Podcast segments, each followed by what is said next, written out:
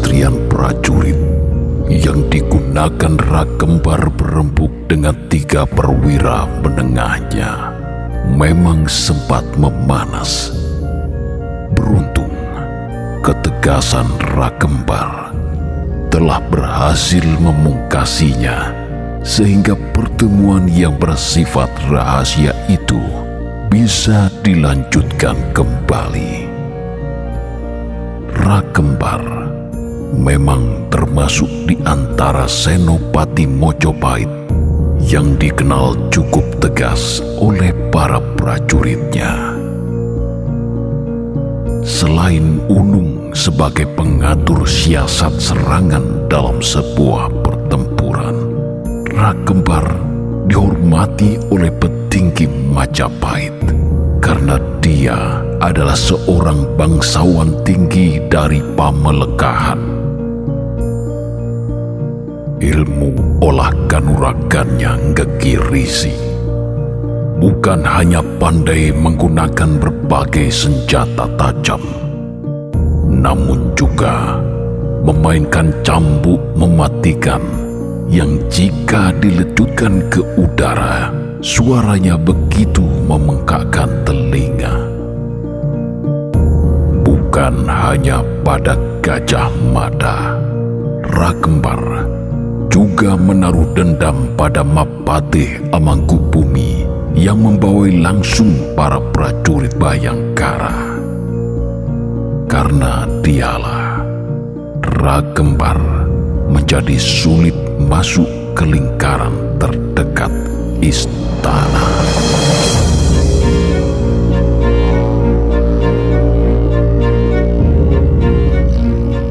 Nyuwun pangapunten, Kakang. Banjur cara apa sing kudu ndak tempuh? Berdasarkan pengamatanku, ini yang harus kalian perhatikan baik-baik. Selama ini, Mada begitu dekat dengan Bredaha, Diahwiat Raja Dewi. Setiap ada kabar yang jelek tentang Mada dan sampai ke telinga Gusti Ratu Tribuana, Diahwiat selalu membelanya. Di mata Diahwiat, Mada itu sempurna. Dia seperti sengaja selalu pasang badan untuk Mada. Semua orang tahu tentang ini.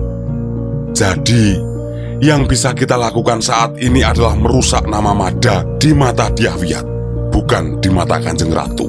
Tuh, bagaimana merusak nama Mada? Bila selama ini dia memang tidak memiliki kesalahan atau kepleset dalam bertindak, Kakang. Memang, Mada memang tidak punya kesalahan. Tapi kesalahan itu bisa kita ciptakan. Dandang tunek ke kuntul, kuntul tunek ke dandang. Maksud Kakang bagaimana?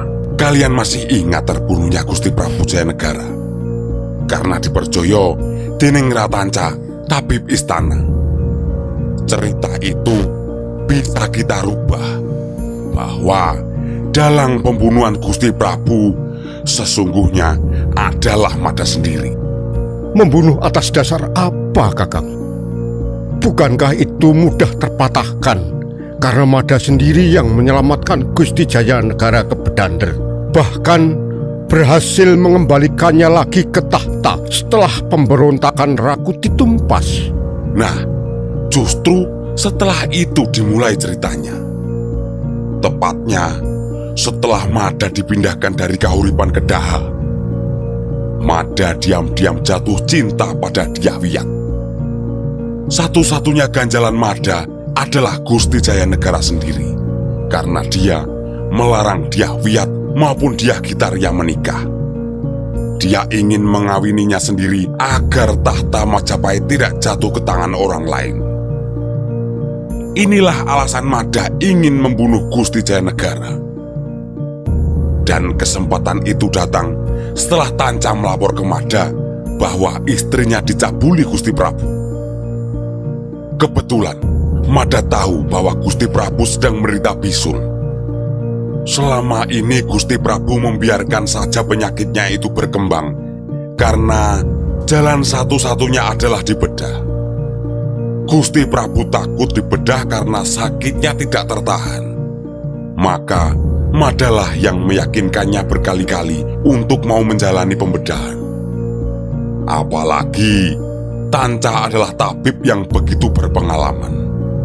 Berbagai ilmu dari Tatar Sunda yang sangat maju di bidang pengobatan begitu dikuasainya. Setelah Gusti Prabu mau menjalani pembedahan, barulah Mada membuat kesepakatan dengan Tanca. Tanca dipersilahkan untuk membalaskan dendamnya ketika pembedahan itu dilakukan. Tanca akhirnya membunuh Gusti Prabu menggunakan taji bedah berkali-kali hingga wafat.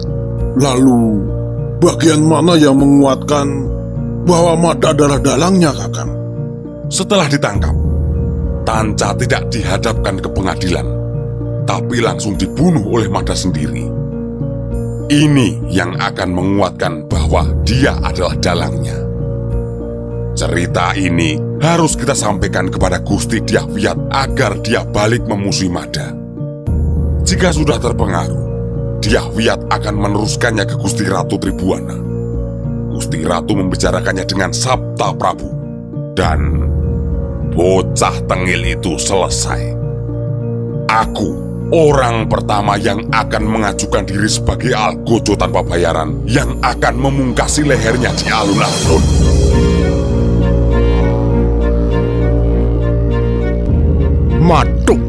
Matuk kakang. Aku cocok karo coro sing mbok usulke kuwi. Aku ra cocok. Mungkin benar. Mada menjadi dalang pembunuhan Gusti Jayanegara melalui tangan Ratanca. Tapi, apakah tidak terbersit di benak kakak? Jika apa yang dilakukan Mada itu justru atas perintah Gusti Diahwiyat sendiri. Bredaha itu ingin kakak yang mengekang dan memindasnya bahkan melarangnya menikah, segera tamat riwayatnya. Semua prajurit Bayangkara yang berjaga di depan kamar Gusti Prabu saat itu juga bersaksi bahwa Tanca melawan habis-habisan saat hendak ditangkap. Karena membahayakan, Mada memutuskan untuk menghabisi saat itu juga secara terukur. Jika pendapat saya ini yang benar, sementara kita terlanjur menghadap dan mengatakan pada Diahwiyat, cerita ciptaan Kakang itu yang rampung justru kita sendiri lho Kang. Ulo marani kebuk itu namanya. Kakang, ojo waton kondo. Nanging kondo nganggo waton. Apa masuk akal? Gusti Jahwiat yang sudah bersuamikan Gusti Kudamerta itu punya rasa cinta dengan Madya. Yang ada justru sebaliknya. Madalah yang menyimpan rasa cinta pada Jahwiat. Lah yo mesti masuk akal. Hingga sekarang, meski Gusti Diahwiyat sudah bersuamikan Gusti Kudamerta, nyatanya dia masih terus-terusan pasang badan untuk Mada. Bisa saja, dia sesungguhnya tidak menyukai Gusti Kudamerta, karena suaminya itu diperoleh dari sayembara semata. Peteng, cinta itu tidak mengenal derajat pangkat. Meski Mada tidak akan mungkin dijadikan suaminya, tapi ungkapan cinta pada Mada dengan cara pasang badan seperti itu tidak bisa ditutup-tutup.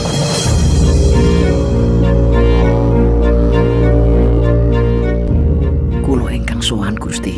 Hei, sopo kowe? Iki lagi honor mbok wikati.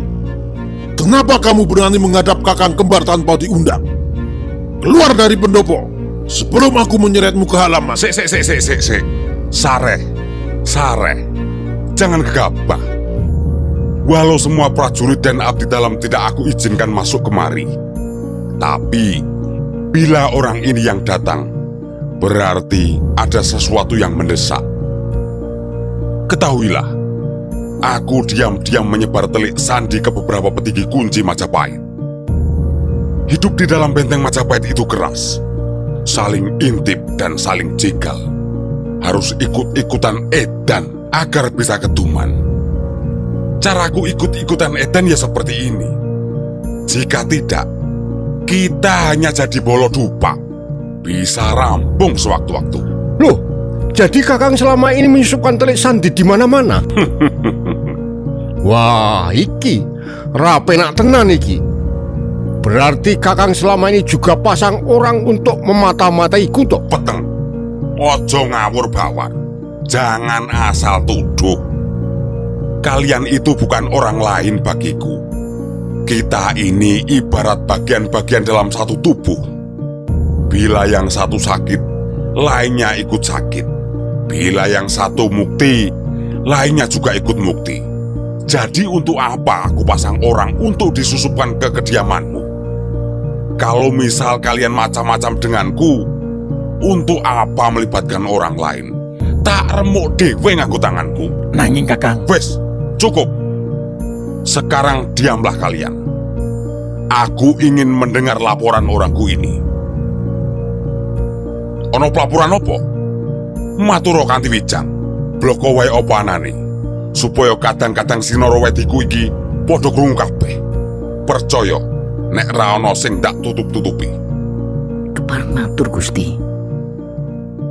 Sekian lama saya menyamar sebagai Nayoko Kepatian Amangkubumen. Sepertinya kabar ini yang paling penting bagi Gusti. Patih Daha, Gusti Gajah Mada telah diundang datang oleh Gusti Patih Amangkubumi Arya Tada. Semula saya pikir hanya meminta palapuran seperti biasa. Ternyata lebih dari itu. Gusti Arya Tada menawarkan jabatan sebagai Mapati Amangkubumi Majapahit untuk menggantikan kedudukannya. Apa? Wela dalah. Hmm, edian tenan iki. Terus kepiye? Mada gelem? Boten purun Gusti. Patih Daha menolaknya. Lo lo lo lo lo lo. Ngeleleng tenan cah kuwi. Aku kemaki tenang. Apa alasannya menolak tawaran Gusti Arya Tada? Yang saya dengar saat itu, beliau masih ingin membantu Gusti Arya Tada untuk membereskan masalah Keta dan Sadeng lebih dahulu Gusti. Gusti Arya Tada akhirnya setuju hingga kemudian secara resmi memutuskan dan mengangkat Gusti Gajah Mada mewakilinya menyelesaikan masalah Keta dan Sadeng dengan menggunakan tanda-tanda kebesaran Mapatih Amangkubumi Majapahit. Welok tenan cah kuwi. Berarti sekarang yang berurusan dengan dia sama dengan berurusan dengan Mapatih Amangkubumi Majapahit. Es jan jan. Gundule sempal tenan. Misal dia di dekatku saat ini tak krawus lambene tenan. Tidak peduli dia sedang menggunakan tanda-tanda kebesaran Mapatih Amangkubumi. tenang nih kang. Hukumannya berat loh. Ah, mangkel bebas toh. Oh iya, terus piye? Dia langsung berangkat ke timur. Eh, Mboten Gusti. Gusti Gajah Mada memilih pulang dulu ke Daha untuk meminta izin pada Kanjeng Gusti Bredaha.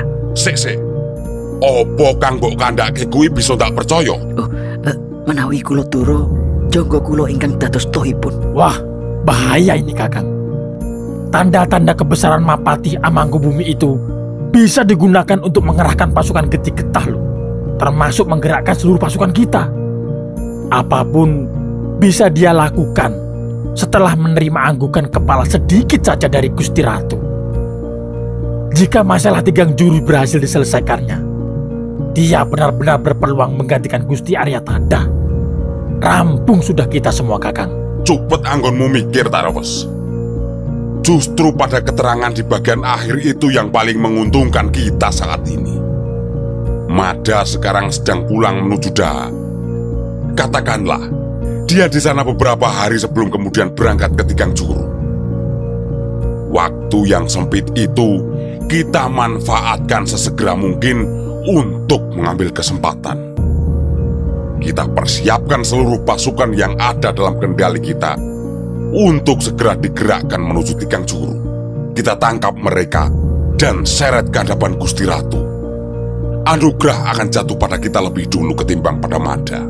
Maksud kakang ini bagaimana? Menggerakkan pasukan keluar Majapahit. Apalagi dengan persenjataan lengkap, itu ada aturannya kakang. Tidak semudah membalikkan telapak tangan. Tidak sembarangan. Kita harus menemui Menteri Araraman untuk minta izin. Para Menteri Araraman juga masih harus berunding lebih dahulu. Jika mereka sudah setuju, barulah diturunkan surat izin yang menjadi dasar kita mengeluarkan prajurit dari Pasraman dan menggerakkan seluruhnya. Mbok ojo bodoh banget toh. Kalian menghadaplah ke Menteri Araraman. Katakan bahwa aku memerintahkan kalian berlatih dengan senjata lengkap dalam rangka menyikapi telatah timur yang mulai memanas. Dengan demikian, jika sewaktu-waktu kesatuan kita digerakkan untuk bertempur, kita sudah benar-benar siap sedia. Yakinlah, Menteri Araraman pasti menyetujuinya. Dalam hitunganku, pasukan kalian semua sudah cukup untuk menuntaskan masalah wetan. Kita tidak butuh kesatuan prajurit getih-getah lainnya untuk terlibat. Lah ini, ini yang aku katakan tadi. Belum ada yang bisa mengalahkan kakang kembar kalau sudah bersiasat sedemikian rupa. Saya siap melaksanakan perintah kakang. 1500 prajurit saya, saya pastikan siap digerakkan.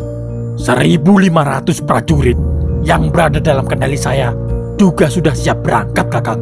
Saya dan pasukan saya juga siap, Kakang. Saiki mangkat. Bereskan segera semua. Aku tunggu kalian di tapal wates Kutorojo.